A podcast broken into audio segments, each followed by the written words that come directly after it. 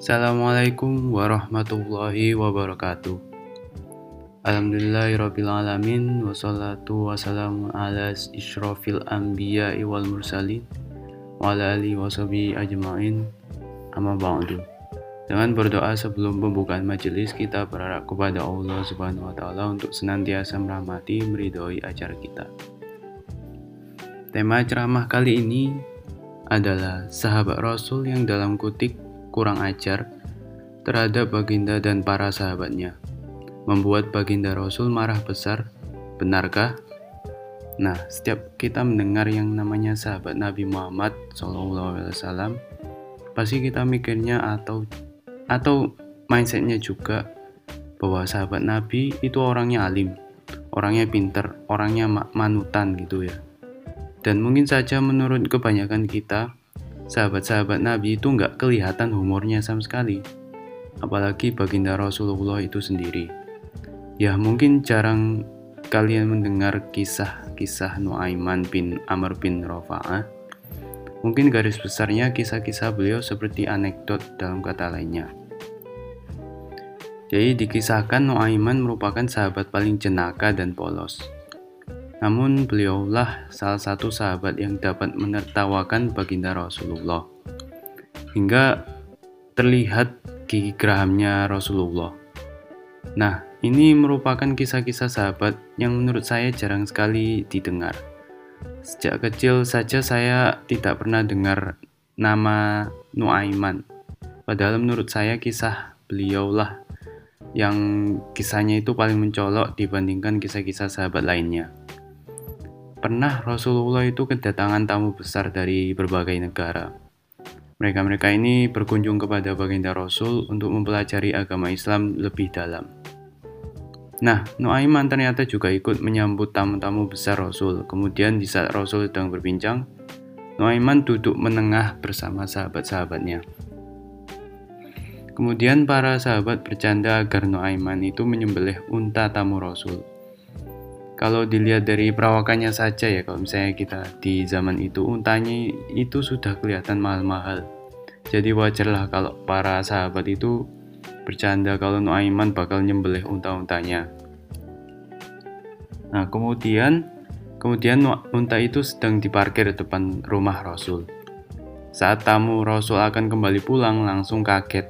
Unta-untanya sudah mati tersembelih semua.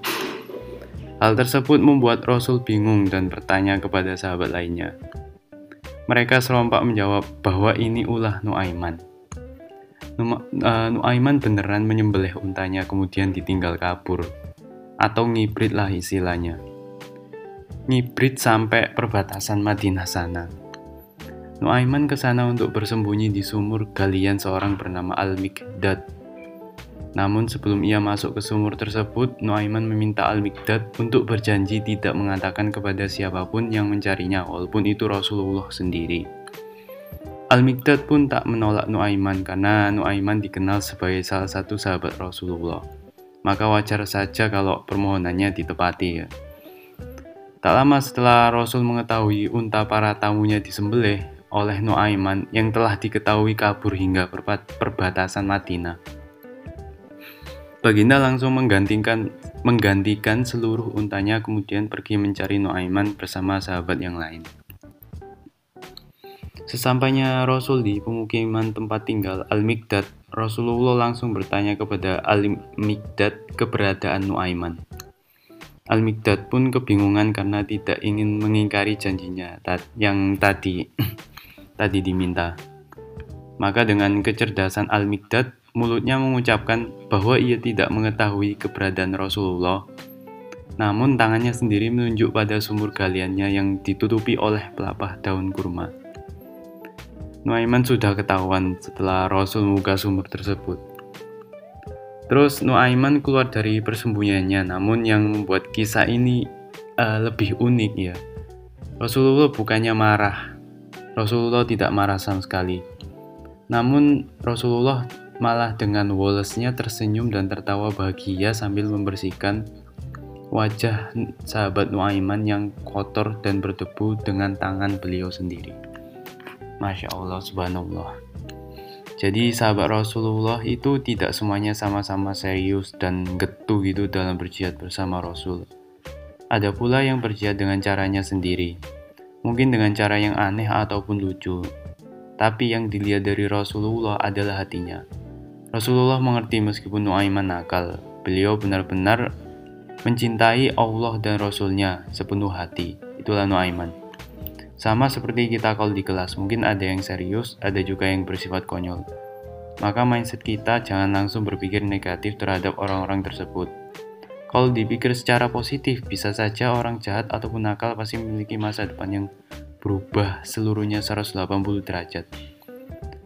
Sedangkan orang baik pasti memiliki uh, keburukan di masa lalunya. Itu uh, pandangannya ke terhadap orang baik. Jadi kita perlu mencontoh sikap Rasulullah yang tetap baik terhadap Nuaiman. Uh, jadi segala bentuk perhatian para teman sekalian dalam mendengar ceramah saya merupakan sebuah penghargaan dan saya ucapkan terima kasih. Mohon maaf bila banyak kata yang kurang berkenan, mungkin saya rasa cukup apa yang saya sampaikan. Kurang lebihnya mohon maaf karena cukup singkat ya. Bila taufik wal hidayah. Wassalamualaikum warahmatullahi wabarakatuh.